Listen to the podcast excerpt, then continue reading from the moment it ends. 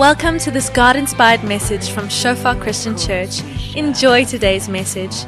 May you experience the presence of our Father and may you grow deeper in your relationship with Him. Oh Jesus,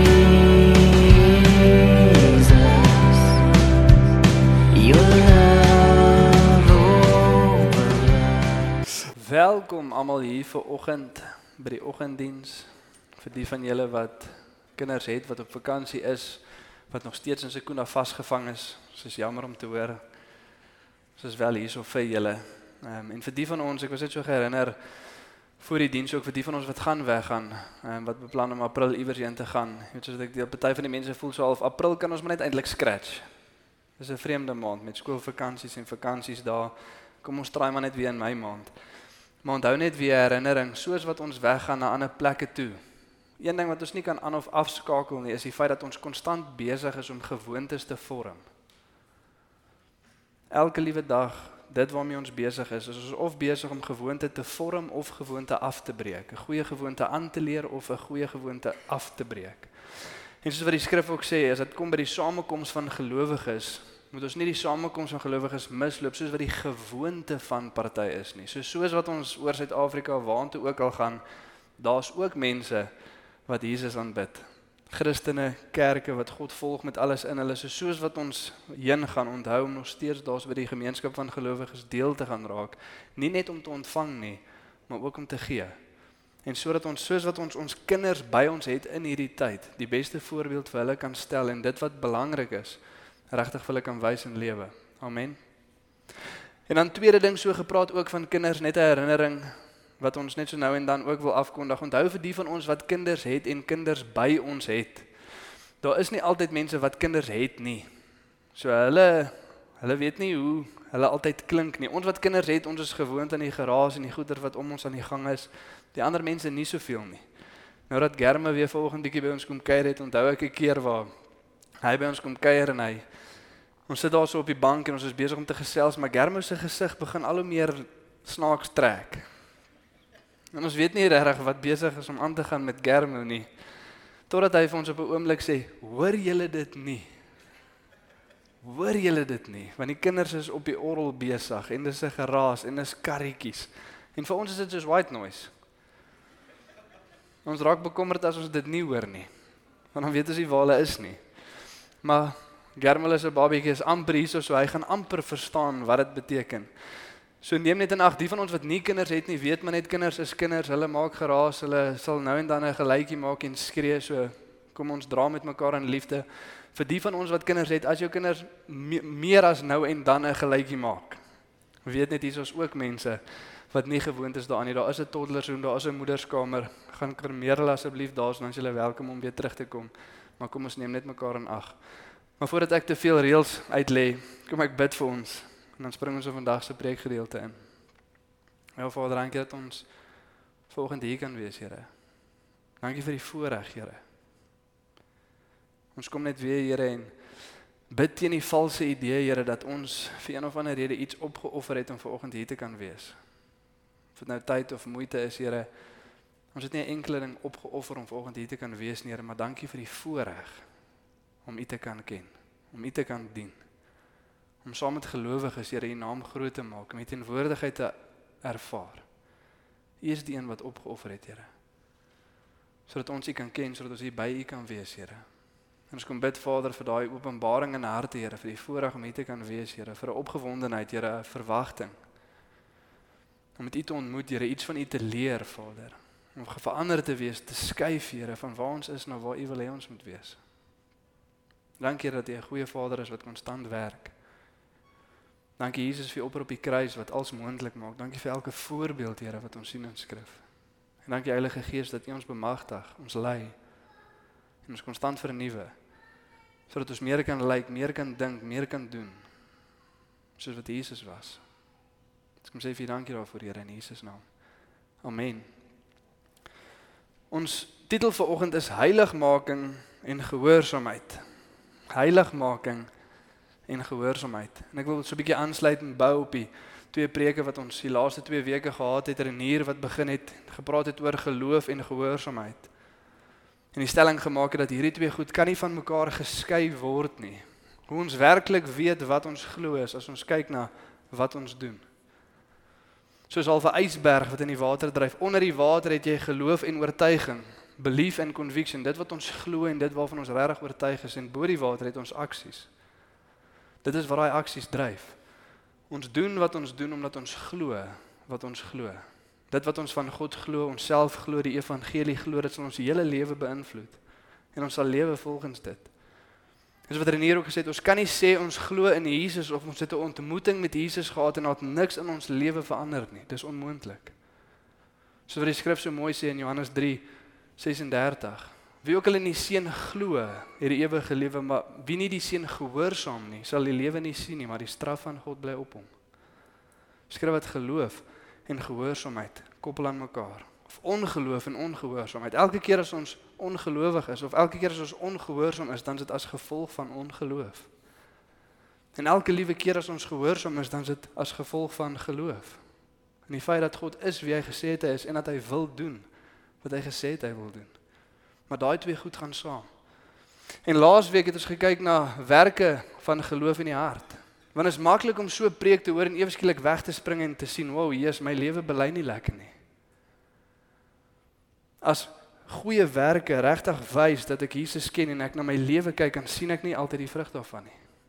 Ek sien nie dit vloei konstant uit nie. En dan is dit maklik om weg te spring en te begin met dooie werke en ons doen dit gereeld.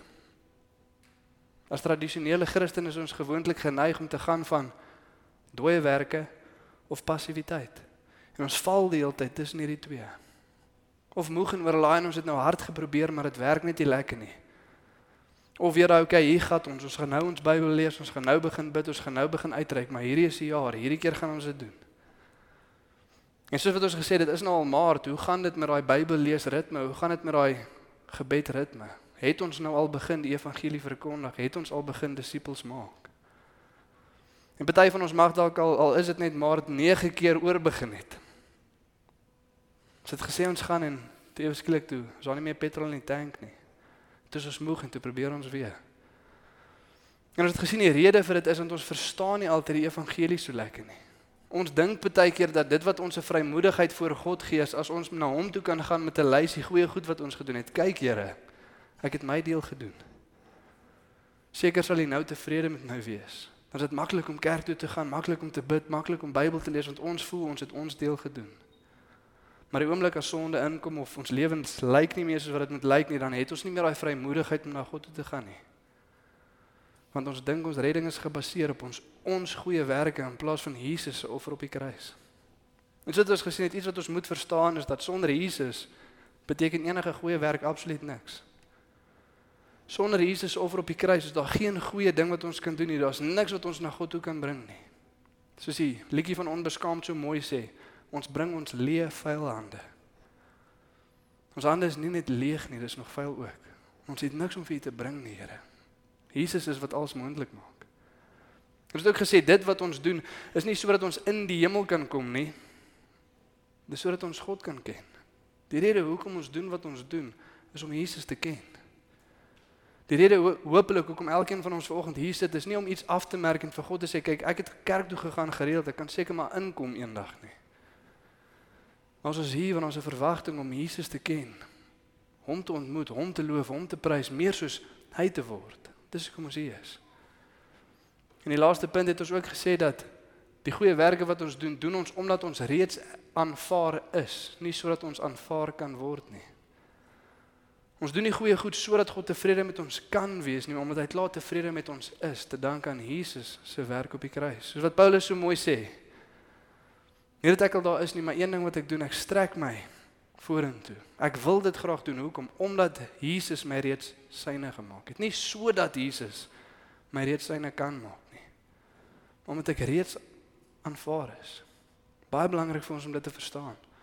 En vandag wil ons bietjie bou daarop want daai gedeelte van die gesprek noem ons regverdiging. Die feit dat ons in Christus Jesus regverdig staan voor God, maak nie saak wat ons doen nie. Die oomblik as ons in Jesus glo. Die oomblik as ons ons geloof in hom sit, die oomblik as ons wegdraai van sonde af en God ons geloof sit. Dan sê die skrif ons is regverdig voor God. As ons eendag voor hom staan en hulle vra, is hierdie persoon skuldig of onskuldig?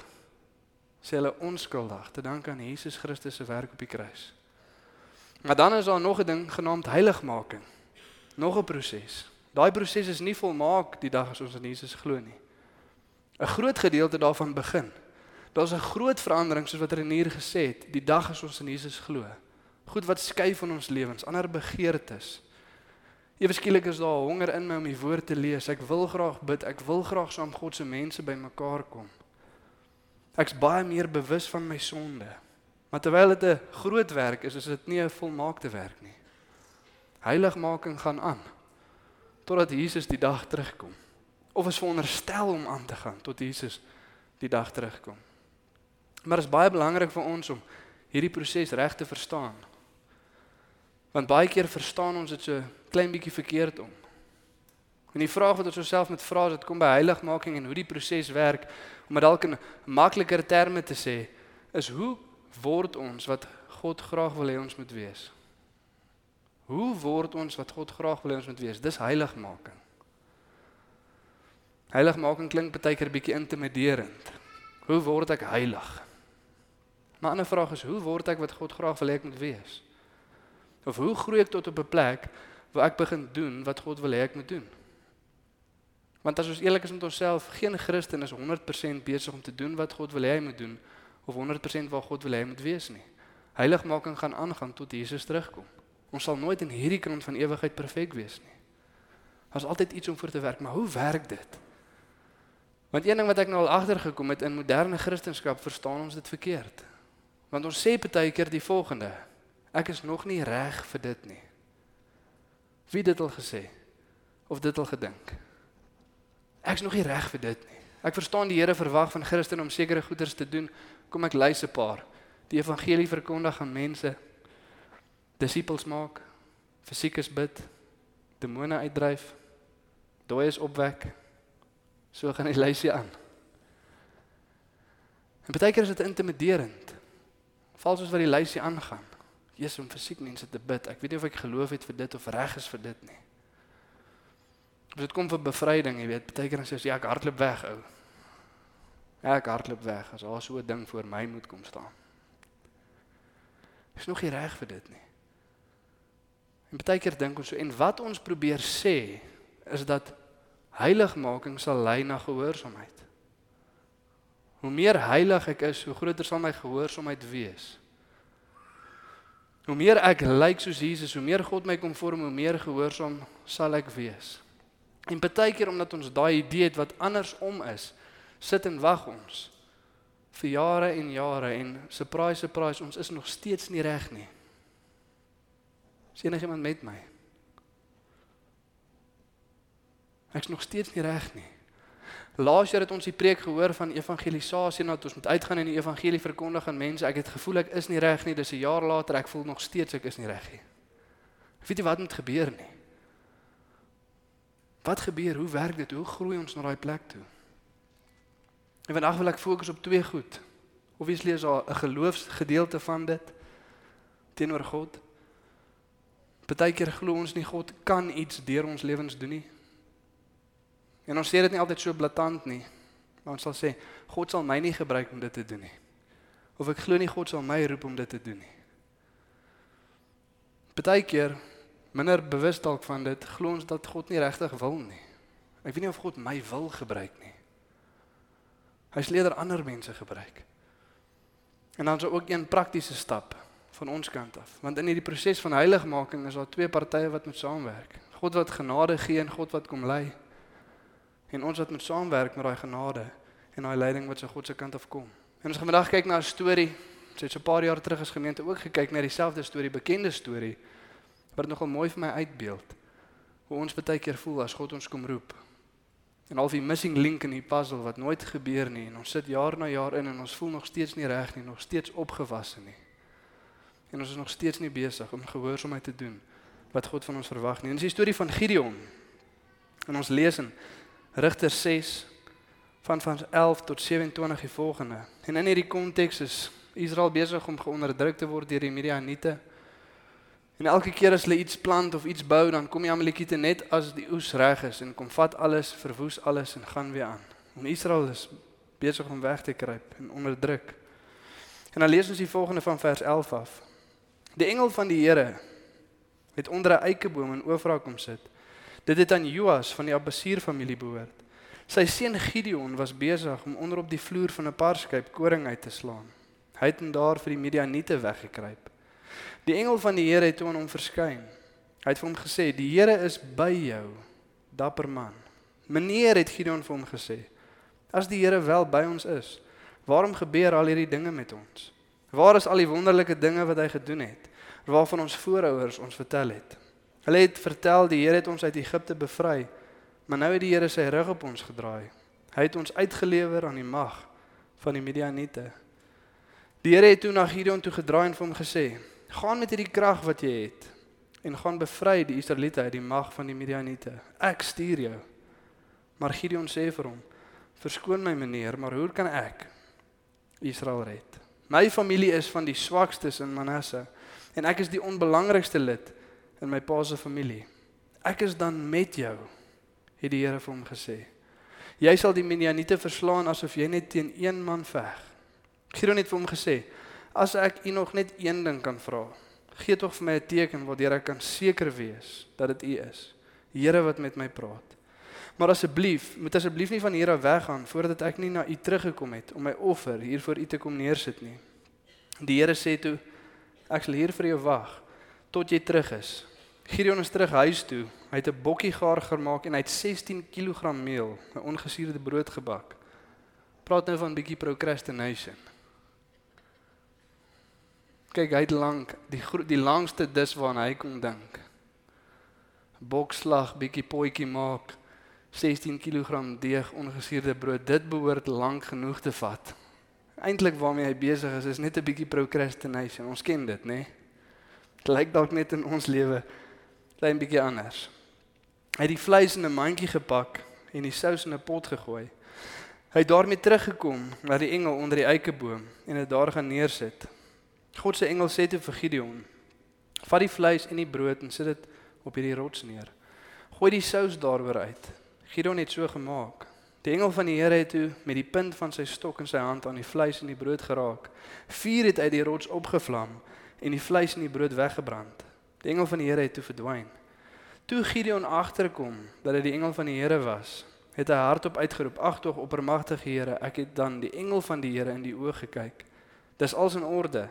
Het die Here vir Gideon gesê: Moenie bang wees nie, jy sal nie sterf nie. Gideon het net daar 'n altaar vir die Here gebou. Hy het dit genoem die Here is vrede. Die altaar is nog al die tyd daar in Ofra van die Abesriete. Daardie nag het die Here vir Gideon gesê: "Gaan vat jou pa se tweede beste bul, die een wat 7 jaar oud is. Breek jou pa se altaar vir Baal af. Kap die gewyde paal vir Asherah daar langs aan af en kom bou dan 'n stewige altaar vir die Here." Jou God op hierdie skans bo op die heuwel. Offer die bul op die altaar as 'n brandoffer. Gebruik die hout wat die Asherah paal wat jy afgekap het. Gideon het 10 mans uit sy werkers gevat en gedoen wat die Here vir hom gesê het. Hy het dit gedurende die nag gedoen omdat hy te bang was vir sy eie huisgesin en vir die stad se mense om dit gedurende die dag te doen. Interessante storie van Gideon. Een waarmee ons baie kan identifiseer as ons eerlik is met onsself. Bewus is van waar ons is en wie ons is. En ons sien hierso aan die begin van die storie 'n man wat besig is om weg te kruip vol verskonings. En Gideon wat so half twee goeters uitlig hierso van van die Here. Die een is hy's nie seker of God regtig dit kan doen deur hom nie en tweedens dat God dit regtig wil doen deur hom nie. En hy fokus baie op sy op homself en op sy onvermoë. En die vraag is hoe gebeur dit dat so 'n persoon so vol verskonings, selfregverdiging wat wegkruip vol vrees. Hoe gebeur dit dat so oud 300 vat en duisende gaan verslaan? Gideon aan die einde van die storie en die begin van die storie is twee verskillende mense. Baie soos die lewe van Petrus. Dat eers Jesus verloon en toe doodgemaak word vir Jesus. Twee verskillende mense. Hoe gebeur daai verandering? Wat is dit wat tussenin plaasvind? Wat ons in staat stel om te wees en te doen wat God graag van ons verwag. Van iemand wat soveel groei dat op die einde van Gideon se lewe sê die Israeliete dat Gideon en sy huishouding moet oor hulle heers vir altyd. So koning wil hulle hê. Definitief nie die ou wat besig is om weg te kruip in die parskeep nie. Wat het gebeur? Wat is dit wat plaasvind? Want ons sien hier waar die storie begin in vers 11 en 12 en lees ons die volgende. Sy seun Gideon was besig om onder op die vloer van 'n parskeip koring uit te slaan. Hy het daar vir die Midianiete weggekruip. Hy wat vol vrees is, hy wat wegkruip. En die engel van die Here het toe aan hom verskyn en vir hom gesê: "Die Here is by jou, dapper man." En nou verstaan ons so half Gideon se antwoord in die Engels en in die Hebreërs kan jy so bietjie meer die sarkastiese toon in Gideon se stem optel. Maar hy's bietjie sarkasties met hierdie ou wat hom hierdie antwoord kom gee want Gideon weet nie dis die Here wat met hom praat nie. Dit vind hy eers op die einde uit. Hy dink so al vir die ou is besig om hom te spot. Jy kan jouself nou indink. As jy iewers besig is om weg te kruip en jy's net so bang hierdie mense vang jou nie. En hier kom iemand, hy dapper man. Wat maak jy onder jy soos ag voetsek man, almal is besig om weg te kruip, almal is besig om te bang, nie nou op my kom pik nie. Val dis al wat in Gideon se kop besig is om aan te gaan. En ons verstaan dit nie altyd so nie. Ons verstaan ons so 'n bietjie sy sy antwoord hierso. Maar hier is ook waar ons onsself baie keer bevind. Besig om weg te kruip as God ons kom roep. En ons twee goeders wat ons moet besef in hierdie eerste gedeelte van die storie is dat ons oral in ons lewens as dit kom by gehoorsaamheid en dit wat God ons roep om te doen, is ons ook besig om of uit vrees weg te kruip of uit geloof en gehoorsaamheid uit te gaan en te doen wat God van ons verwag om te doen. En die eerste vraag wat ek vir ons volgende moet vra is waarvoor is ons dalk besig om weg te kruip? Wat 'n stap van geloof, wat 'n vrees. Sien een ding Gideon het ten minste geweet wie die vyand is. En baie keer moet ons ook bewus wees daarvan. Wat is jy bang om te doen? Wat is daai stap van gehoorsaamheid waarvoor jy nou al so lank wegkruip? Vir baie van ons is dit dalk belydenis. Daar's iets wat God jou al lank al gesê het jy vir jou man, jou vrou, jou familie, wie ook al moet gaan sê. Iemand by die werk. Jy sien net wanneer ons na die Here toe draai, beteken dit nie hy vee net alles weg en alles is vergete nie. Maar as daar sonde was, as daar goed wat ons teen ander mense gedoen het, dan moet daar belydenis en restituisie plaasvind. God verwag van ons om na daai mense toe te gaan en te gaan regmaak wat verkeerd was. Sê hulle met my. So me, miskien is dit dit vir party van ons. En ons weet al lank dit wat God sê en hierdie belydenis wat moet gebeur. Die restituisie wat moet gebeur, vergifnis wat moet plaasvind. Restaurasie van 'n verhouding dalk. Ons het net nog nie daarby uitgekom nie van ons vrees. Ons weet nie hoe dit gaan lyk nie, ons weet nie wat gaan gebeur nie. Vir party van ons is dit dalk evangelisasie. Jy weet die Here het jou al gewys daai persoon by die werk, daai persoon in jou familie wat ook al dit is. Om die evangelie met hulle te begin deel. En keer na keer, week na week dalk, elke keer as jy by die werk wegry, dan sê jy soos daai geleentheid was daar. Ek weet nie wie dit al so gevoel nie. Daai geleentheid was daar en jy, jy het geweet ek moet begin praat, ek moet begin sê, ek moet iets doen en dan is die geleentheid weg. Ons op pad huis toe. Sit swaaf in jou agter ek op hierdie volgende keer, kan die volgende keer gaan dit gebeur. Die geleentheid is weer daar en ons wil so weer begin sê wie is dit weg. Party van ons het dalk 'n oortuiging, jy lees die skrif en elke keer as jy lees van hierdie wonderwerke van genesing en goed wat plaasvind, is daar begeerte binne in jou Here vandag nog steeds. Dis wat die skrif sê. Totdat ons eendag gesig tot gesig sien, totdat die perfekte hier is, sal hierdie wonderwerke gebeur. 1 Korintiërs 13 vir ons sê. Eendag as Jesus terugkom, as ons hom gesig tot gesig sien, as ons die hemel saam met hom is, dan gaan daar nie meer nodig wees vir dit nie, maar vandag en nou gebeur dit nog steeds. En daar's 'n begeerte binne in jou. En ek onthou vir ou wie was dit gewees? Was dit Smith Wigglesworth? Het hulle vir hom ook gevra het, "Hoe is dit dat jy soveel dooie mense uit die dood uit opgewek het?" En sy antwoord was, "Jong, as jy vir soveel dooie mense soos ek gebid het, sou van hulle sekerlik ook opstaan." En ons weet dat vir dit om te gebeur, moet ons begin doen. Partykeer is ons eie kinders en ons eie mense siek en ons bid nie eens vir hulle nie. Want ons weet net nie, maar wat as dit nie gebeur nie of wat as ek bid vir die genesing en niks gebeur nie? En daar's 'n vrees, vrees vir wat? Hoe ons gaan lyk. Hoe gaan ek lyk? Skrif sê jy moes gesterf het die dag toe jy jou lewe vir Jesus gegee het. So vir dooie mense worry ons maar baie oor wat mense dink. Ons veronderstel om al dood te wees. Wat gee dit om wat mense dink? Maar wat is daai stap van geloof, daai ding wat jy moet doen waarvoor jy weggryp? Tweedens, dit wat ons moet besef is dat God roep ons nie volgens ons vermoëns nie. God roep ons nie volgens ons vermoëns nie. Ja, ons almal het gawes, ons almal het passies, ons is gevorm en gemaak in 'n sekere manier en dit belyn met waarmee God ons roep, maar dit is nie die begin en einde van alles nie. Dis nie totdat ek perfek is in hierdie gawe wat ek het en alles nou leer ken en ek weet nou hoe die ding werk en als nou voel ek opgewas om te gaan doen wat God my geroep het om te doen nie. Dit lê nie in ons vermoëns nie. God roep ons nie volgens wat ons kan doen nie. Maar dit is hoe dit gewerk het dan sou dit maar sleg gegaan het met Christen in geheel. Want as om 'n min van ons gewees het wat toe Christus vir enigiets om eerlik te wees. En selfs in dit wat ons dag na dag doen, God het ons ook in staat gestel om dit te kan doen.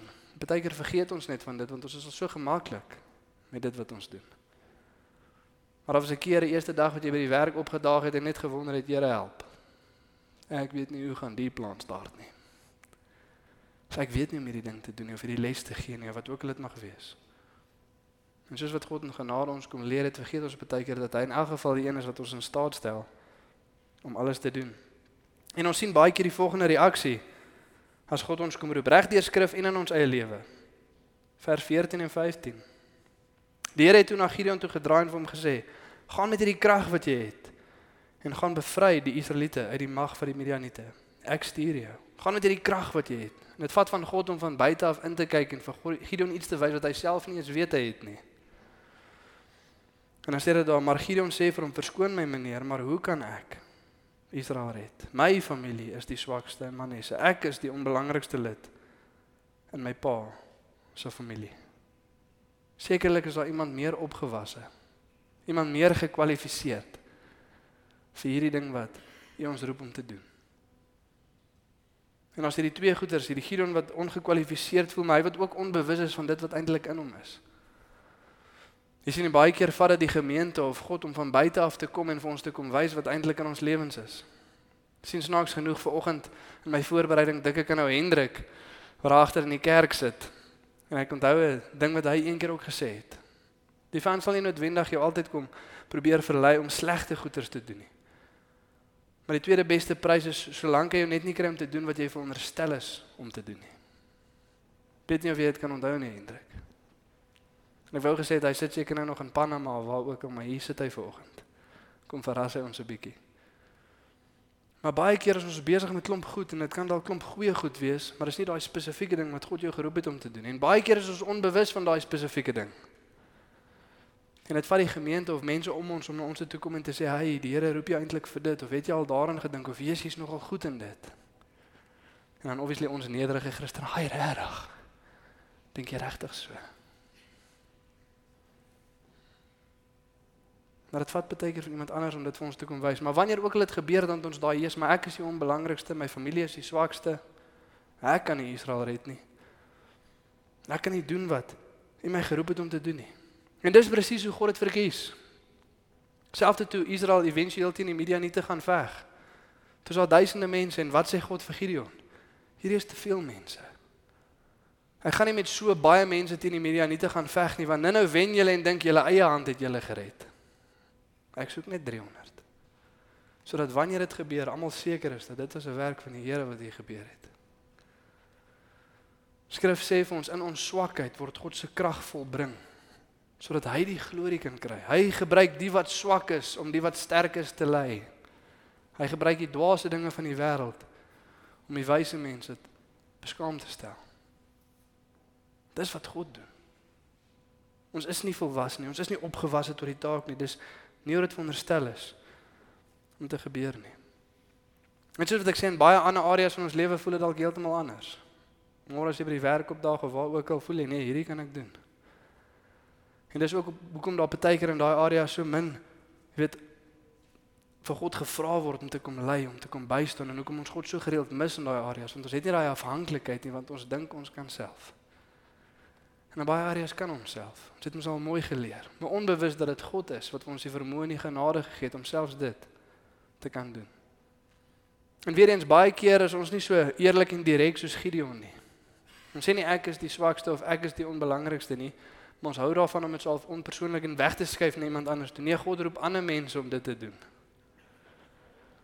Daai groot Christene. Die sendingspan wat nou gister gery het Messina toe.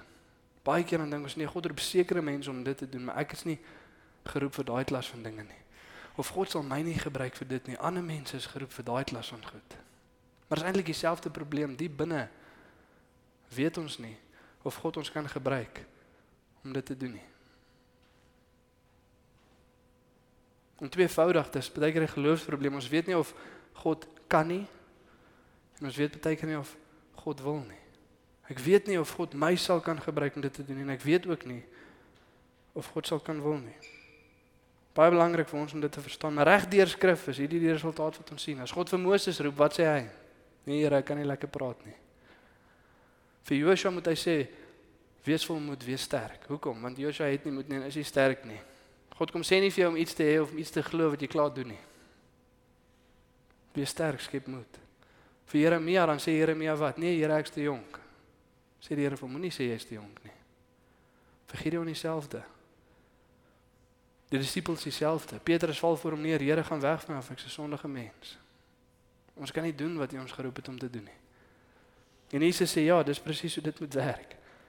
En dan vra ons ons self, maar wat is die een ding wat gebeur het tussen daai Gideon en Gideon op die einde? Wat het begin gebeur? Wat is dit wat Gideon in staat gestel het om te doen wat God vir hom gesê het om te doen? Het hy gewag tot hy reg gevoel het? Het hy gewag tot hy toegerus is? Het daar iemand gekom en vir hom 'n stel boeke gebring en gesê lees hierdie podcast, check hierdie YouTube video dan jy uitgesorte maat. Hoe het dit gewerk? En ons sien die sleutel tot dit alles 1 vers 27. Nie perfek nie, nie volmaak nie, maar hier gaan hy. Dit sê Gideon het 10 mans uit sy werkers gevat en gedoen wat die Here vir hom gesê het. Hy het dit gedurende die nag gedoen omdat hy te bang was vir sy eie huisgesin en vir die stad se mense om dit gedurende die dag te doen. Hy was nog bang, hy was vol vrees. Hy het dit nie in die dag gedoen nie, maar hy het dit begin doen. Dis waar dit begin. Ons wat begin stap, ons wat begin volg. Ons wat erken soos Gideon, Here, ek's bang, ek weet nie hoe dit gaan werk nie, ek's nog baie onseker, maar hier gaan ek. En ek weet ek moet dit eintlik gedurende die dag doen, maar ek gaan net begin in die nag, want ek's bang vir my huisgesin, ek's bang vir die mense. Ek's bang wat hulle gaan dink, wat hulle gaan sê of hulle my gaan stop. Maar hier begin ek. En is in die begin, in die gehoorsaamheid wat God ons vorm. Dis nie heiligmaking wat lei na gehoorsaamheid toe nie. Dis deur gehoorsaamheid wat God die proses van heiligmaking begin in ons lewens. Maar as ons net sit en wag en ons vir ewig sit en wag. Ons gaan nooit reg wees nie. Dis soos wat ons God in gehoorsaamheid volg, wat God ons begin vorm. Ek onthou eendag as ons besig om by Oosterland te bedien. En ons hoor die dag is daar 'n gasspreker. Ek dink ek het al die storie vertel, maar ek vertel dit sommer weer. En soos wat ek instap by die skool, kom daar 'n persoon uitgestap. En soos wat hy verby my stap, net sy lyfstaal, hoe hy so half afkyk, so half stil en 'n sag stem groet en so half sy hele lyf wegdraai, dog ek by myself, "Jo, is een van die skaamste mense wat ek al in my lewe gesien het." Net eenvoudig deur hierdie persoon wat verby my loop manier hoe hy afkyk, sy lyf wegdraai so saggies se lou sê, dog ek net ja. Dis 'n baie skaam persoon. En soos wat ons in die saal wag, kom hier dieselfde persoon ingestap. Hy is die persoon wat vandag met die mense gaan praat. En waaroor praat hy? Hy praat oor evangelisasie. En hy vertel die storie van hoe God hom kom red het in die dag toe hy tot bekering kom en hy die brandende passie om vir mense van Jesus te vertel, maar dit is moeilik vir hom. Hy's 'n skaam mens, hy's 'n introwert. En hy vertel eventueel het hy net begin uitgaan in die dorpe en op die strate en daar waar mense is en hy trek taaitjies in sy hand om vir hulle uit te deel en net begin oor Jesus te praat en hy sê vir weke lank het hy net daar gestaan. Maar hy het die begeerte iets moet gebeur, dit kom net nie uit nie. Hy sê tot daai eerste dag wat hy die eerste pamflet uitdeel en die eerste woord begin sê. En vandag is hy deur 'n gemeente aangestel as 'n voltydse evangelis. Dis wat hy doen. Hy gaan na vreemde plekke toe en praat met vreemde mense oor die evangelie. Maar hoe dit gebeur, daai stap van gehoorsaamheid. As hy gesit en wag het totdat hy nie meer skaam is of nie meer introwert is nie, het hy nou nog waar ook al hy gesit het gesit en gewag. Maar dis deur ons gehoorsaamheid wat God ons volg. Dieselfde waarheid in ander woorde lees ons in Matteus 4, 4 vers 19. As Jesus wat die disippels roep. Hy sê toe vir hulle: "Kom hier, volg my en ek sal julle vissers van mense maak." Kom hier, volg my en ek sal julle vissers van mense maak. Begin jy net volg, begin jy net loop. Ek sal jou vorm, ek sal jou maak. Maar nie maak jy van jouself 'n visser van mense en dan bel jy my as jy reg is en kom haal ek jou weer nie. Nee. Net soos jy is, begin volg, begin loop, begin toetree. En ek sal jou maak. Ek sal jou vorm. Hy ongemaklike gesprekke met mense in ons familie en by die werk het gaan ongemaklik bly. Ons gaan net vinniger daai ongemaklike gesprekke begin. Weet net hoe belangrik dit is, maar soos wat ons begin, gaan God ons kom volg. Vat ons na punt nommer 1 toe vanoggend. Heiligmaking en gehoorsaamheid. God vorm ons soos ons hom in gehoorsaamheid volg. God vorm ons soos ons hom in gehoorsaamheid volg. In 1 Petrus 1 vers 21 sê op die bord nie. Dan sê dit as julle deur julle gehoorsaamheid aan die waarheid julle siele reinig deur die Gees. Dis dit gewerk, vir my so mooi opsomming. Praat daar ook van broederlike liefde. Maar ons wat in gehoorsaamheid tot die waarheid ons siele reinig deur die Gees. Dit is nog steeds God wat werk, maar as ons stap van gehoorsaamheid wat gebeur, God en mens wat saamwerk in hierdie proses van heiligmaking. Saam werk dit. Dis punt nommer 1 van 9 wat ek wil maak vanoggend. Maak net 'n grappie. Ek lag vir P in die week sê hy as die pastoor sê hy maak 3 of 4 punte dan check hy so half punt nommer 1 dan sien hy wag kyk. Dis 20 minute 1 punt, ons het nog 4 om te gaan. Dan weet mense so min of meer. Dis net 'n grappie. Ons gaan nie 9 punte maak vanoggend nie. Ek sal net vir ons klaar maak met nog 4. Weer 'n grappie, is net nog eenetjie wat wag. Hoef nie te bekommerd te raak nie. En een ding wat ons moet besef, ook soos wat ons deur hierdie punte werk en soos ons deur hierdie stuk skrif werk, is wat ons sê as ons sê God sal my nie of God kan my nie vir die volgende gebruik nie. Sien baie keer dan klink dit nie so erg nie want ons dink ons fokus net op onsself. Maar wanneer ons dit sê, is dit nie net ongeloof in onsself nie, maar is ongeloof in God. Wat sê ons? God sal my nie. Ons is nie God nie, ons kan nie dit sê nie. Hy is God. Wie is ons om vir God te sê hy sal nie of hy kan nie? Dis om God in 'n boks te plaas. God sal my nie gebruik vir die volgende nie. Hy's God. Hy kan maak wat hy wil met wie hy wil. Vir wat hy wil. Dis God. Of God kan my nie gebruik vir die volgende nie. Hy kan, hy's God. Hy kan wie ook al gebruik vir wat ook al, wanneer ook al hy wil. Hy's God. Hy's 'n sagmoedige en 'n lankmoedige God, so hy forceer ons nie om dit te doen nie. Hy lei ons deur genade soos wat ons kom en in gehoorsaamheid hom volg. Sê hy Spurgeon het dit so mooi gesê, God kan met kromstokke reguit lyne slat. God kan met kromstokke reguit lyne slat. Want nie een van ons is opgewasse vir die taak waartoe God ons roep nie. 'n Volmaakte God wat deur onvolmaakte mense perfekte goed doen. Dis mooi. Ek meen, dink net gou daaraan. Die roeping wat ons het as Christene om te gaan disippels maak van die nasies. Is onmoontlik. God sê in Romeine 8 dat die mense wie se gedagtes op die vlees gerig is, is vyandig teenoor God. Hulle kan nie doen wat die wet van God verwag nie. Dis onmoontlik vir die wat hulle gedagtes op die vlees rig. So ons moet gaan en vir die wat onmoontlik is om God te volg gaan sê, "Hy, volg God." Dis onmoontlik. Nou lees ons in 1 Korintiërs 12 vers 3 dat niemand kan sê Jesus is Here behalwe deur die Gees nie. Ons kan niemand bekeer nie, ons kan nie 'n Christen maak nie, maar tog moet ons gaan disippels maak. Onmoontlike roeping. Hoekom? Want God wil dit deur ons doen.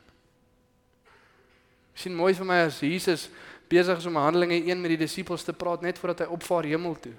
Dan sê hy hy gaan nou hemel toe en dit gaan nog 'n rukkie vat vir die Vader om die Gees op hulle uit te stort. Wat moet hulle intussen doen? Gaan wag in 'n kamer. Gaan wag julle net in 'n kamer, maar terwyl ek nie fisies by julle is nie, terwyl die Heilige Gees nie op julle uitgestort is nie, gaan wag julle in 'n kamer. Want julle kan niks doen nie.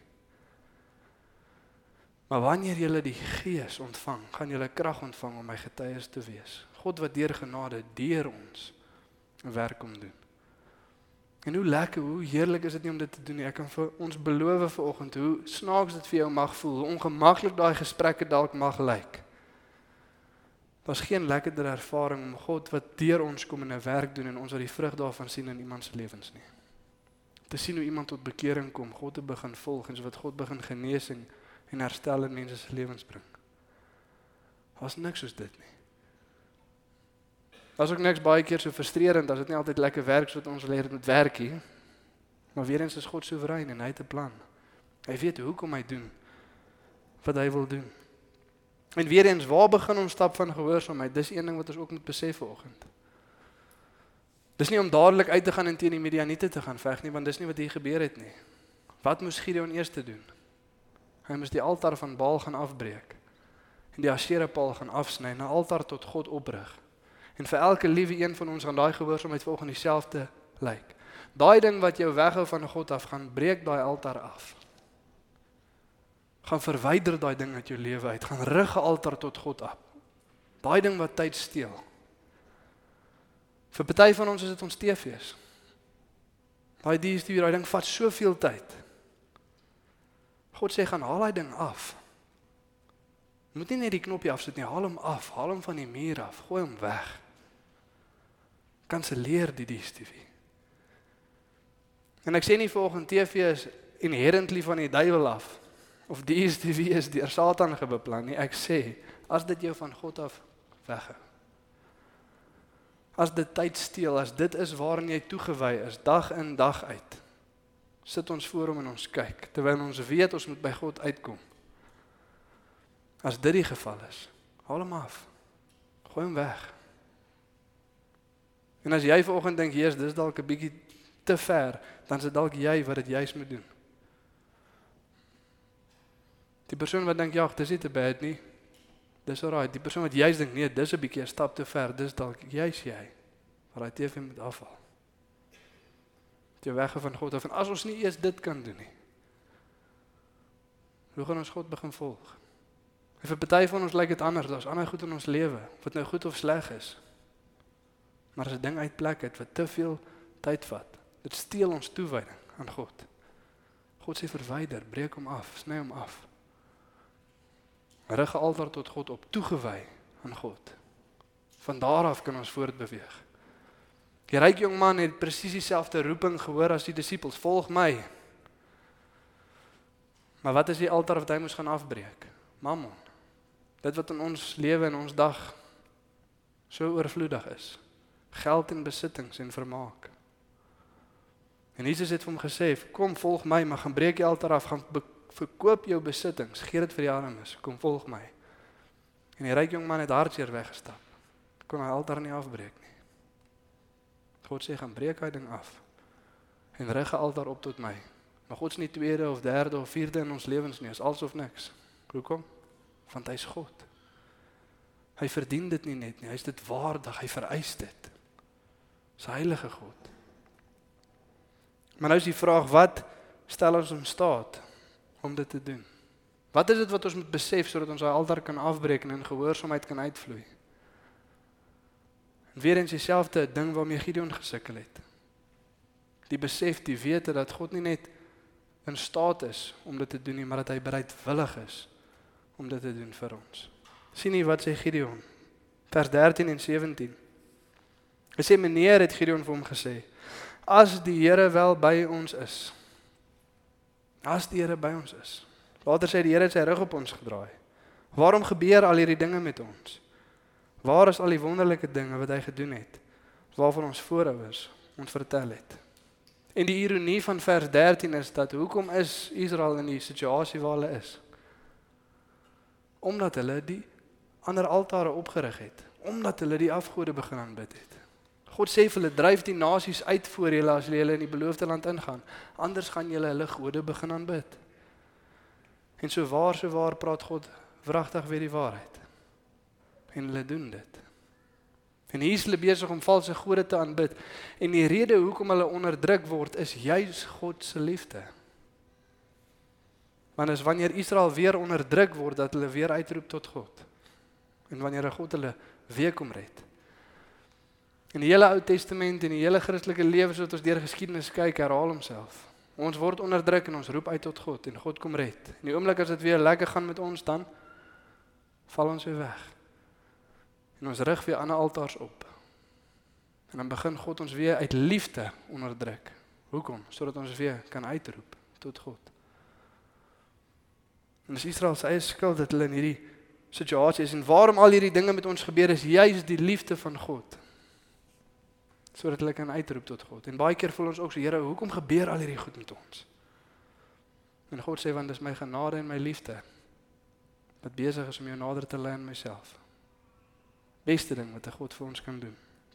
In Gideon in vers 17 Toe God sê ek is by jou, ek stuur jou. Toe sê Gideon, Gideon het vir hom gesê as ek nog net een ding kan vra, gee tog vir my 'n teken waardeur ek seker kan wees dat dit U is, Here, wat met my praat. Wys vir my, Here, dat U by ons is. Gideon wil weet, Here, is U by ons? Is U vir ons? Ons weet dalk God kan, maar ons is nie seker of hy bereidwillig is nie. Partykeer voel ons dieselfde. Ons weet God kan enigiets deur enigiemand doen, maar ek weet hom nie of hy dit deur my wil doen nie. Sê hulle met my. Ek weet dat ander vergewe, bekragtig, bemagtig, genees, gebruik, maar ek weet hom nie of hy dit deur my wil doen nie. En baie keer is ons ook so skier en Here, maar gee ons net 'n teken. Hoe kan ons weet dat U by ons of vir ons is? Ek weet nie of jy al so gevoel het nie. Here, ek wil net weet. En wat is God se antwoord? Romeine 8:31 vers 32. Wat is nou die gevolgtrekking oor al hierdie dinge? God is vir ons. Wie kan dan teen ons wees? Hy het sy eie seun nie gespaar nie, maar hom oorgelewe om ons almal te red. Sal ons dan nie al die ander dinge saam met hom uit genade skenk nie? As ons kyk na Jesus Christus op die kruis, dan sê God ek is vir jou. Ek is by jou. En ons weet hoe die res van die stuk skrif gaan nie hemel of aarde, hel of hemel demoon of engel, niks in die hele skepping. Sal ons kan skei van die liefde van God nie. Dit vat ons na punt nommer 2 toe. Op die kruis het God klaar gewys dat hy by ons en vir ons is. Op die kruis het God klaar gewys dat hy by ons en vir ons is. En partykeer in lig van dit gaan ons nog steeds na God en vra vir hom, Here, dis nie genoeg nie, gee my nog iets. Kan jy dit dink? Al vanoggend terwyl ek besig was om te bid, het die prentjie gesien hoe ons na Jesus op die kruis toe stap terwyl hy daar so aan die kruis lê, vol bloed, kroon op sy kop en ons vra vir hom, Here, gee vir ons nog 'n teken. Ons wil graag weet dat U ons liefhet. Skies, waar is ons? Is dit nie genoeg nie? Jesus Christus op die kruis. En soos wat ons die offer van God se enigste seun sien, wil ons nog steeds weet, Here, maar as U my regtig liefhet, hoekom werk my finansies nie uit nie? Hoekom is my kinders nou en dan siek? Hoekom gaan ek nou en dan deur slegte tye? God sê, is dit nie genoeg nie? Jesus Christus op die kruis. Sy hals gegee. Ek is vir jou.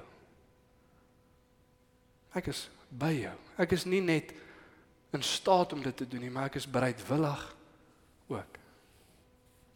Kan ons dit sien deur Jesus Christus se liefde vir ons op die kruis. En baie keer sê ons nee, ons ons besef dit in algeheel, maar as dit by die groot goed kom, dan vra ek vir God vir nog 'n teken. En wat ons eintlik bedoel is nie die groot goed nie, is wanneer dit kom by ons eie goed. Here, waar moet ek werk? Waar moet ek bly? Wat moet ek doen? En as dit kom by my goed, dan wil ek eers 'n ander teken hê. Want as dit kom by God se goed, dan is hy nogal duidelik oor wat hy van ons verwag. En omdat ons onbereidwillig is om God te volg en dit wat hy klaar gesê het en sy wil, sukkel ons om God te hoor as dit kom by ons goed. Is julle met my? Omdat ons sukkel om klaar te doen wat Skrif van ons verwag. Duidelik soos daglig, klaar neergeskryf. Word gedoop, gaan maak disippels, verkondig die evangelie, bid vir die siekes. En omdat ons nie daar uitstap in gehoorsaamheid en toelaat dat God ons volg nie, mis ons God en die goed wat ons voel vir ons belangrik is. En dan met die hele sekonde eweslik saam vas en bid. Want ons soek 'n teken.